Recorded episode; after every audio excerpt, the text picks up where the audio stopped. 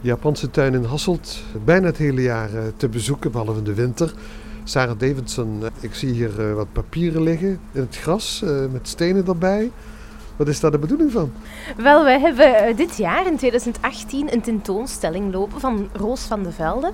En zij is echt een artiste die heel erg verbonden is met de natuur, maar ook met Japanse cultuur. En uh, die briefjes die krijgt dit jaar iedereen mee aan de ingang. Het zijn wensbriefjes. Er staat ook een wens op voor liefde, voor geluk.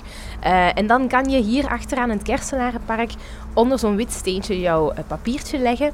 En is het de bedoeling dat dat langzaamaan zal vergaan, zoals ook de Japanse wabi-sabi, het imperfecte, het vergankelijke, dat dat ook uitgebeeld wordt met die briefjes. Daarom ligt het in de open lucht natuurlijk. Ja, ja, klopt inderdaad. Het is echt de bedoeling dat de regen of, of de natuurkrachten die briefjes echt laten vergaan.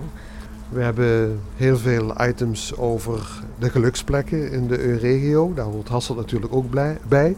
De Japanse tuin is ook een geluksplek, hè? Ja, klopt inderdaad. Wij zijn een van de 23, geloof ik, 25 geluksplekjes eh, hier in Hasselt. En uh, het is ook een plaats waar veel Hasselaren en ook toeristen tot rust kunnen komen en terug hun geluk kunnen zoeken. Ja, op de dag dat hier wij zijn is het gezellig druk. Uh, je ziet eigenlijk mensen genieten van de natuur, hè? Ja, klopt inderdaad. Uh, we zijn naast een Japanse cultuurplek ook echt een natuurlijke plek met een stukje groene long hier in uh, het centrum van Hasselt.